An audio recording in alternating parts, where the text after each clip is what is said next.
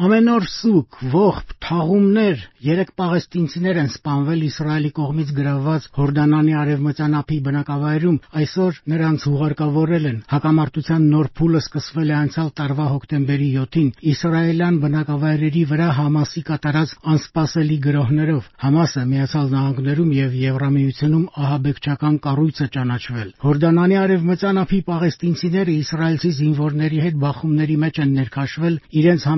համերաշխությունը հայտնելով Գազայի հատվածում զոր ու գիշեր օդային հարվածների ենթարկվող պաղեստինցիներին։ ՀԱՄԱՍ-ի զինյալները սպանել են մոտ 1200 եւ պատանդարել 253 իսրայելցիների։ Ամենաթեժ իրավիճակը, սակայն, Գազայի հատվածում է, հատկապես հարավում, որտեղ գրեթե ամբողջությամբ ավերակների վերածված Գազայի հատվածից փախուստի են դիմել եւ Ռաֆահում ապաստանել են 100 հազարավոր պաղեստինցիներ։ Ռաֆահը Իսրայելի բանակի թիրախն է դարձել։ Ահա թե ինչ է ասում փախստական Խալեդ Ալ-Զաթմանը։ Սա անվտանգություն է, ինչ անվտանգություն։ Տանիքը փլվեց մեր գլխներին, երբ վտանգը երկնքից է գալիս, էլ ինչ անվտանգություն։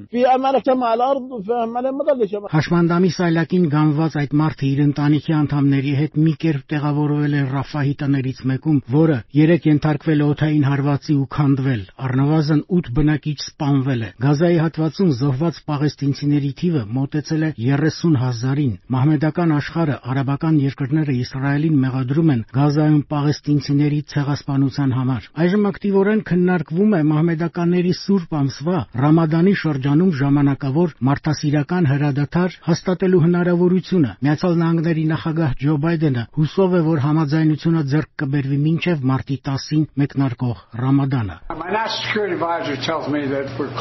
Իմ ազգային անվտանգության թիմն ասում է, որ դա հնարավոր է անել։ Դա գուցե լինի հաջորդ շաբաթ։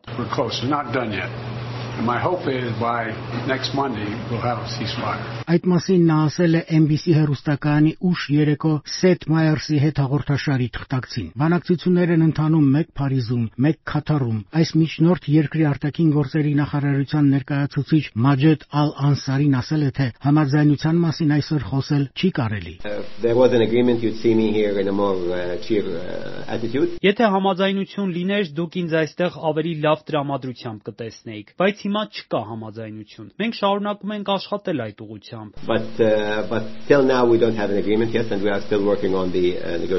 Բայդենի համար կարևոր է հրադադարը Գազայում։ Նա պայքարելու է նոյեմբերին վերընտրվելու համար, մինչդեռ նրա վարկանիշը երիտասարդների եւ ցախակողմյան առաջադիմական ընտրողների շրջանում անկում է գրանցում Իսրայելին միանշանակ սատարելու եւ Գազայում զոհերի թվի սարսափելի աճի պատճառով։ Իսրայելը սպառնում է սկսել հարձակումը Ռաֆահի վրա հենց մարտի 10-ին, եթե ՀԱՄԱՍ-ի զինյալները մինչ այդ չազատեն պատանդներին։ Ռաֆահում ապաստանածները խաղաղության մասին են երազում։ Այդ է ասել Խան Յունիսից Ռեհաբ Ռեդվանը։